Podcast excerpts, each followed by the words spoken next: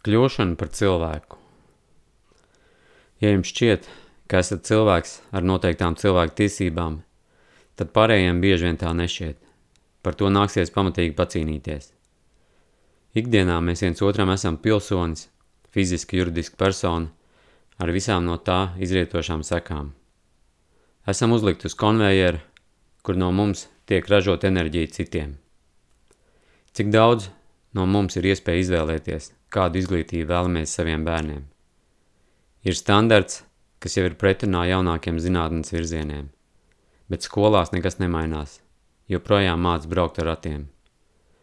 Pēc skolas konvejera dodamies darbos, kur tavs cilvēcīgums un radošums lielākoties nav vajadzīgs. Priekšplānā instrukcijas, kārtības, noteikumi, kas arī lielākoties ir izvilkt no pagātnes dzīlēm.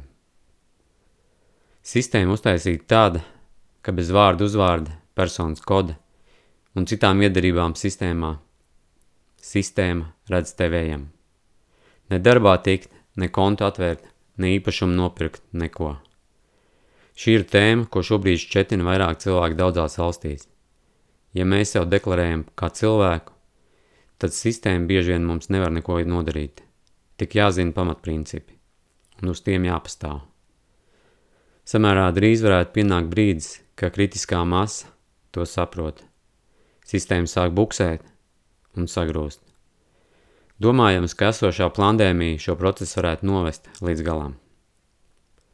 Demonstrācijas nelīdzēs. Beidzam gaidīt antiņus un lāčplēšus.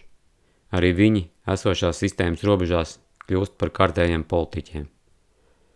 Ļaujam šim veidojumam sapūt, tajā nepiedaloties.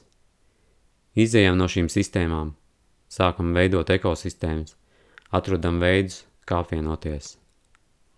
Pērkam lauku viensētas, veidojam ekociemats, sadarbojamies, lai kopā atrisinātu pamatvaidzības – ēdiens, pajumte, siltums.